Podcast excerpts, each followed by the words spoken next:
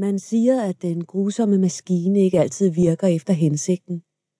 Der skal tre eller fire hug til at skille hovedet fra kroppen. Nogle gange skriger de ulykkelige mennesker et helt minut, før deres pine får en ende med et enkelt kraftfuldt hug. Man siger, at mængden af blod er påfaldende, at det strømmer ud i kaskader, tykt og mørkerødt. Mere blod, end man skulle tro, et menneske havde i sig. Hjertet fortsætter med at pumpe det ud, slag efter slag, efter at hovedet er hugget af. Bødlen går stolt hen til kanten af skafottet og holder det blødende hoved op, hvor øjnene stiger overrasket, og munden står åben i et tavst skrig. Blodet fosser ud over ham. Min mand havde ret meget blod, har man fortalt mig. Han var sådan en stor, kraftig mand, sej og stærk som en okse. Et friluftsmenneske med en håndværkers store, kompetente hænder. Det må have krævet mere end et hug med faldøksens blad at slå ham ihjel. De ville ikke lade mig se ham dø. Jeg ved, at jeg kunne have givet ham styrke til sidst, hvis bare jeg havde været hos ham. Vi har været igennem så meget sammen, Ludvig og jeg, helt frem til den dag, de kom og hentede ham og førte ham væk. Han prøvede ikke at gøre modstand, da de kom efter ham, borgmesteren og de andre.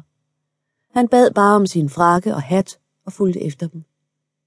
Jeg så ham aldrig igen. Jeg ved, at han døde med værdigheden i behold.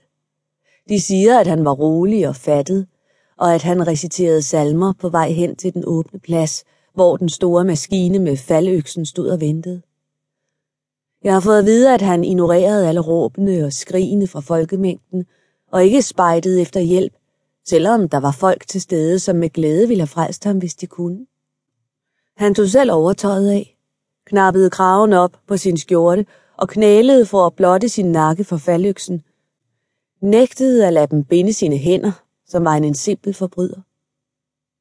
Han prøvede til allersidst at sige, at han var uskyldig, men de overdøvede ham med støjen af trommer og skyndte sig at lade det tunge økseblad falde.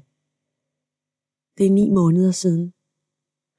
Nu var det ikke længe, før de kommer efter mig. Deres forhenværende dronning, Marie Antoinette, nu kendt som Fange 280. Jeg ved ikke, hvornår det bliver, men det bliver snart. Det kan jeg se på Rosalies ansigt, når hun kommer med suppe og lindeblomstvand til mig. Hun har opgivet håbet om, at jeg bliver skånet. I det mindste giver de mig lov til at skrive denne dagbog. De vil ikke lade mig strikke eller sy på grund af de spidse nåle og pinde, som om jeg har kræfter til at stikke dem i nogen. Men jeg har lov til at skrive, og mine vagter kan ikke læse, så det jeg skriver forbliver hemmeligt. Rosalie kan læse lidt, men hun er diskret. Hun forråder mig ikke.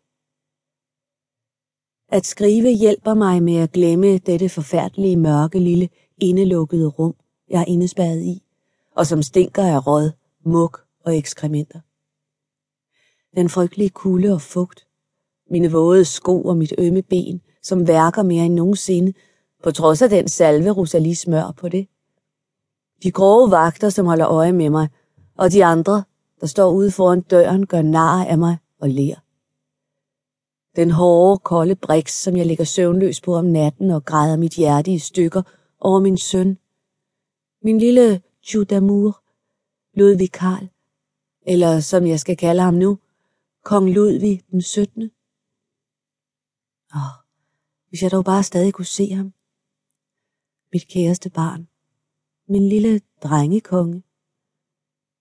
Indtil august sidste år så jeg ham næsten hver dag, hvis jeg blev stående længe nok ved vinduet i min gamle celle. Den forfærdelige gamle idiot, som tager sig af ham, Antoine Simon, førte ham forbi min celle på vej hen til Slotsgården, hvor han kunne løbe lidt omkring, mens han fortalte ham grove vittigheder og lærte ham at synge Marseillesen. Stakkels Ludvig Karl, bare otte år gammel, har mistet sin elskede far og er nu også berøvet sin mor. Hvor jeg dog kæmpede imod, da de kom for at tage ham fra mig. Det tog dem næsten en time. Jeg ville ikke give slip på ham.